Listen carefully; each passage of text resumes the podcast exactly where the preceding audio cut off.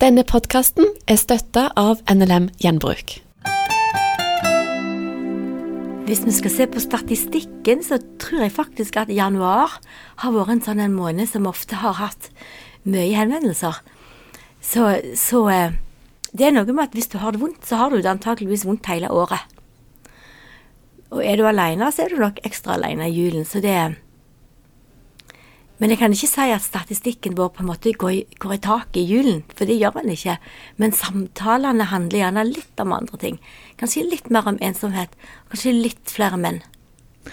I et eh, intervju som jeg leste i Bergensavisen fra 2014, så forteller du om en mann som eh, ikke ville belemre sine nærmeste med sine vanskelige tanker, og derfor tok han kontakt med dere i Kirkens SOS. Og du sier at du ble full av beundring for denne mannen. Eh, hva var det som gjorde at du fikk beundring for den mannen? Um, jeg husker den vakta ennå. det, det, var en spesiell eh, kveld. Var, jeg snakket bare med menn. Og alle hadde en, en diagnose, en, en psykiatrisk diagnose. Og de De var så på seg så um, Hva skal jeg si det? Jeg syns de var så kloke. Og særlig han her husker jeg så godt, fordi han sa at han hadde en god familie. Så, han kunne snakke med om, om mye. Og, og, kanskje alt. Men han valgte å ikke snakke med dem om sine selvmordstanker, for han ville skåne dem. Og jeg tenker det var så utrolig omsorgsfullt og klokt. Er det klokt å, å skåne eh, når vi har det vanskelig? Ja, det var et godt spørsmål. Det er veldig klokt å snakke med noen når en har det vanskelig. Og jeg tenker for, for akkurat denne mannen, som hadde vært syk hele livet sitt, så hadde nok han kommet fram til at eh, han trengte ikke snakke med de nærmeste om alt, han kunne snakke med noen andre. Og det var jo det som var så lurt. Så han, han skjønte litt hva de, hva de, klarte å snakke om, og hva som ble for vanskelig for dem. Og da tok han det aller vanskeligste med, med noen som tålte det. Ja, for Noen samtaler er altså for vanskelig å ta med, med de som du er nærmest på, og det er der Kirkens SOS kommer?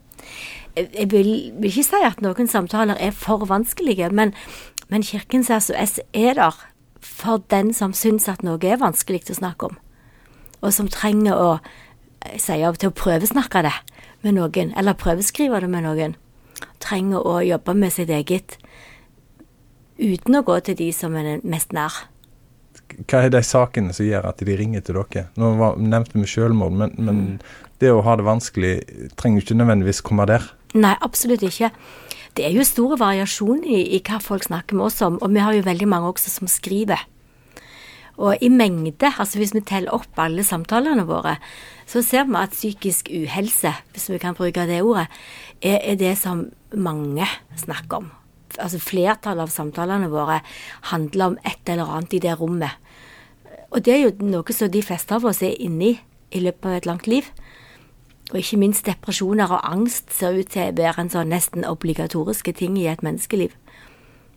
Men nå har du jobba siden 1984 eh, med denne jobben her i eh, Kirkens SOS i Bjørgvin som leder. Du har fulgt eh, samfunnet i mange år nå. Eh, du, ser du noe eh, endring i, er vi blitt flinkere til å håndtere psykisk helse nå enn eh, i 1984? Hvis vi skal se på statistikkene våre, så er jo ikke de gode. Um, det kan jo se ut som at iallfall de unge har mer psykiske problemer enn de som var unge før. De drikker mindre, men de plages mer. Um, det som jeg tenker har endra seg, som jeg legger mest merke til, det er åpenheten. At nå snakker vi om ting som mine foreldre aldri ville snakket om. Og det tenker jeg er helsebringende i seg sjøl, med mindre det blir en sånn dyrking. Altså, kan, alt kan jo bli for mye òg. Men det å komme til det sta, til at en tar kontakt med dere eh, Jeg hørte en som sa at eh, det er mørkt inne i tunnelene eh, når en er midt inne i en tunnel, men, men det er som oftest lys der òg.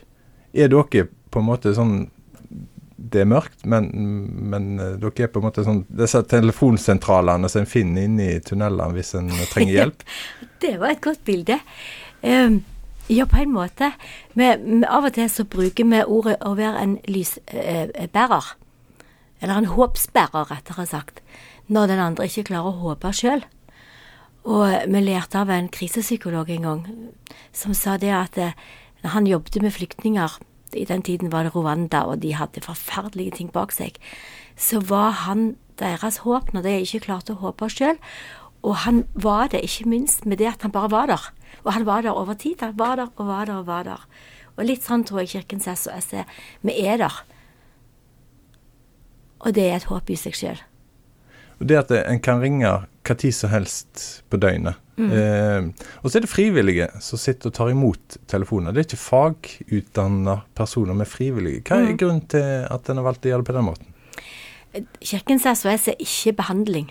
Det, det, er viktig å si. Vi skal ikke erstatte noe av det som er behandling i Norge. Men vi er, vi er tilgjengelige. Det er hele poenget. Vi er tilgjengelige med noen som er ekte interesserte, og som eh, ikke har til hensikt å fikse noe, men, men som vil være med når det er, mørkt, eller når det stormer, eller når det er vondt. Så det er på en måte det der aller enkleste, og samtidig så kjempeviktig og, og håpsbringende.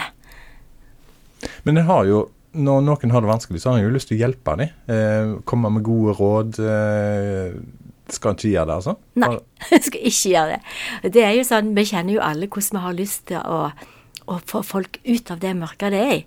Men når noen kontakter oss, så er det for å slippe å være alene når de har det så vondt. Og vi hjelper de dårligst hvis vi prøver å løse problemene deres. Men hvis vi tåler å være sammen med dem i den smerten de har, så kan det være lettere å bære det en skal bære. Selv om de tingene som er vonde, er akkurat like vonde så er det en hvile i å få være med noen og kunne snakke om det og slippe alle de der mer eller mindre lettvinte løsningene. Men vi sender jo folk på sykehus for at de skal få hjelp. Vi ønsker jo, når ungene har det vanskelig, så er det jo ingenting vi heller vil enn å hjelpe. Eh, mm. Og her skal vi på en måte bare lytte. Ja, en skal være sammen med. Jeg ser av og til for meg at Si jeg snakker med noen som bare, alt er bare helt forferdelig, og de, de, ser ingen utvei. Og jeg ser ikke heller noen utvei. Og så kan jeg spørre vil du, vil du holde meg i hånda, for jeg tror du får det bedre, selv om ikke du tror at du får det bedre. Vil du holde meg i hånda når det kjennes som verst? Kan jo ikke gjøre det helt sånn fysisk, men Og det er noe med ja, OK, så, så får de litt av vårt håp, kanskje, selv om de ikke har det sjøl. Hvordan er det for deg når du har sånne samtaler og du merker at nå eh, skjedde det et eller annet her som er positivt? Eh, det har jeg egentlig ikke tenkt på. um, men jeg vet at når jeg har hatt vakt, vært på vakt, så kjenner jeg meg veldig motivert for å fortsette som leder for Kirkens SOS. Altså det å være i, i det det egentlig handler om gir så glede og, og takknemlighet. Disse fantastiske menneskemøtene der vi glemmer av at vi egentlig har gått inn i en slags form for hjelperolle. Og så er vi, så er vi egentlig bare tett på to mennesker. Det er Kirkens SOS. Altså Kirken er, er jo mm, Nestekjærlighet er jo et viktig budskap i kirka. Mm. Er, er det Jesus sitt budskap som dere er med å videreformidle eh, på den måten, eh, med å bry dere om alle. Det er ingen ja. eh, kriterier for å komme i kontakt med dere. Vi, vi sier om oss sjøl at vi ønsker å være, vise noe av Jesu neste kjærlighet i praksis. Og når vi har innføringskurs for våre, så pleier jeg å si at det, eh, viser de dette vennskapsikonet der Jesus ikke har føtter dette ikonet der han holder rundt en annen mann, så er det bare den andre mannen som har føtter. At vi tenker at på Kirkens SOS er medarbeiderne våre hans øre, ikke minst hans føtter. Enten de tror på han eller ikke, så kommer godheten i, i sitt utspring ifra Gud, tror vi. Men må en være eh, en truende for å være eh, med i Kirkens SOS? Nei, en trenger ikke å tru sjøl. Kirkens SOS er den der rammen i setningen som vi på en måte er i. Og så er det sånn at når vi er på telefonen, så lytter vi jo, eller på chat, da, da lytter vi etter hva den andre har, og, har behov for å snakke om, og har en bruk for å snakke om tro, så gjør vi det enten vi tror sjøl eller ikke. For vi skal følge den andre, vi skal jo ikke ha svarene der heller. Og alle hos oss skal kunne be bønn dersom, dersom den andre ønsker det, selv om vi gjerne inni oss må si Gud, hvis du finnes, så tror vi at hvis Gud finnes, så hører han den bønnen. Nå har vi snakket litt om dette her med at vi eh, som medmennesker bryr oss om hverandre. Mm. Men, men, hvis en nå sitter og syns at livet er litt vanskelig, det er litt mørkt mm. nå, eh, hva råd vil du gi? Jeg vil jo ikke gi et råd, egentlig, men vil jo ha en samtale og vil utforske hva er det du tenker, hva er det du kjenner på. Jeg ville spurt eh, er det sånn at du har selvmordstanker. For det må vi alltid finne ut. og Hvis en har det, så ville vi jo spurt mer om det. Vi ville sjekket ut er det sånn at du har planer. Og har en planer, så vil en spørre hva de planene er. Og hvis det er veldig kort tid, sier at en sier at når jeg har lagt på denne telefonen, så vil jeg ta livet mitt. Så vil vi spørre om vi kan få lov til å skaffe hjelp. Og dette går alltid parallelt med den gode, interesserte samtalen, der vi snakker om hvordan det er å være den personen.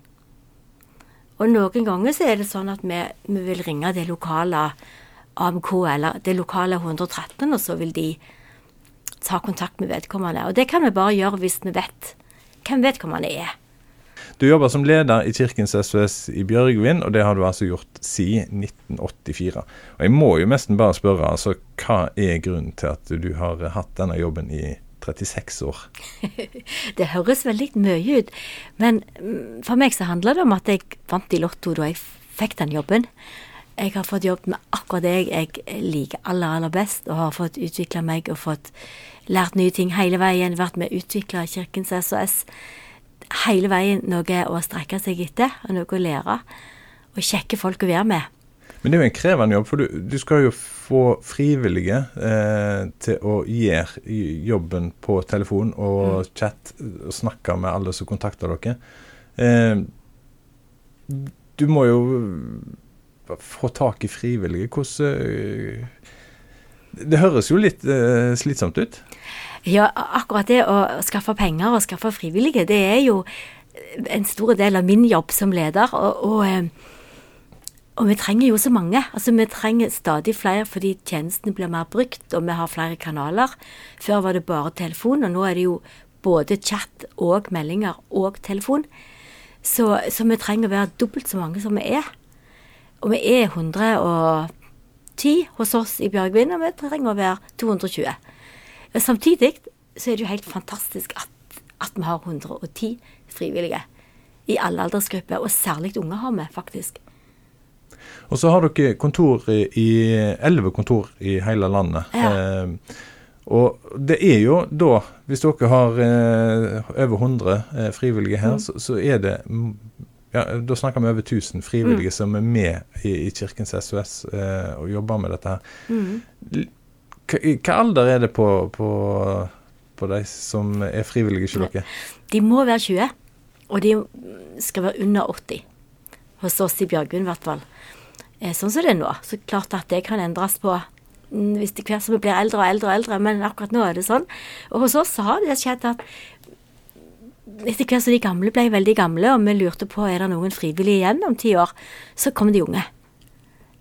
Sånn at vi har mm, Nå er det flest unge som går på kurs, sånn relativt sett. Men eh, vi vil ha hele bredden, og ønsker det. det de som blir frivillige hos dere, de får høre om eh, andre mennesker forteller om når de har det kanskje på sitt vanskeligste, på sitt mørkeste. Mm. Hvordan eh, klargjør dere de for, eh, for sånne samtaler? Vi må snakke veldig mye om rollen. Så noe av det viktigste vi, vi gjør på kursene våre, det er i tillegg til å på en måte hjelpe dem til å, å, å stille spørsmål og lære dem det, så er det nettopp det å folde inn disse her hjelpefingrene. Dette å, å legge vekk øns eller behovet, eller det at en prøver å fikse og, og ordne og, tåle. Altså det hjelpe de til å se at det de skal gjøre, det er å sette seg tilbake og være interesserte og være sammen med og støtte, ikke ordne. Og da er det så mye lettere enn om en skal ha tiltak, eh, stille diagnoser. Sant? Alt det en skal gjøre i yrket sitt. Hos oss skal vi ikke det. Vi kan legge det helt vekk. Vi skal bare være sammen.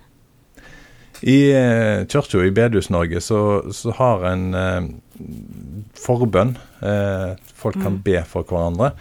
Eh, og det er en viktig ting. Eh, men kan det bli òg ei eh, Hvis jeg ikke misforstår meg rett, men ei sovepute òg? At vi sier at ja, hvis vi møter mennesker som har det vanskelig, mm. så sier vi ja, jeg skal be for deg, mm.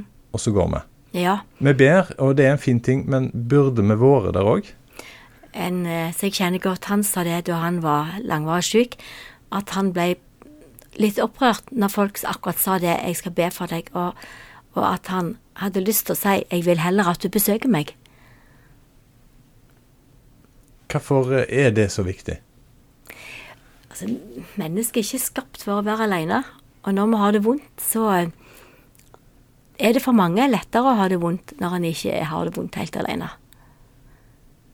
Så en må tørre å be for andre mennesker, men en må òg tørre å være der. Ja, og det å være der tar jo ofte mer tid enn å be for. Og det tenker jeg, hvordan vi bruker tida vår, alltid en utfordring i livet. Altså for oss alle. At vi skal ha den balansen mellom å ha et godt og kjekt liv på den ene sida, og vi har mange oppgaver vi skal gjøre, som vi må gjøre. Og så er det dette da til å kunne gjøre de der tinga mot Eller for at andre ikke skal være alene, og finne en balanse der. Så det er oppmuntringen og oppfordringen i dag. Mm. Vær der. Vær der. Det sa altså Greta Gramstad, og hun har vært Petro-gjest i dag. Jobber som eh, leder i Kirkens SOS i Bjørgvin. Og eh, har du lyst å ta kontakt med Kirkens SOS, så finner du nettadressen deres, kirkenssos.no. Der kan du òg lese mer om hvordan du kan komme i kontakt med dem.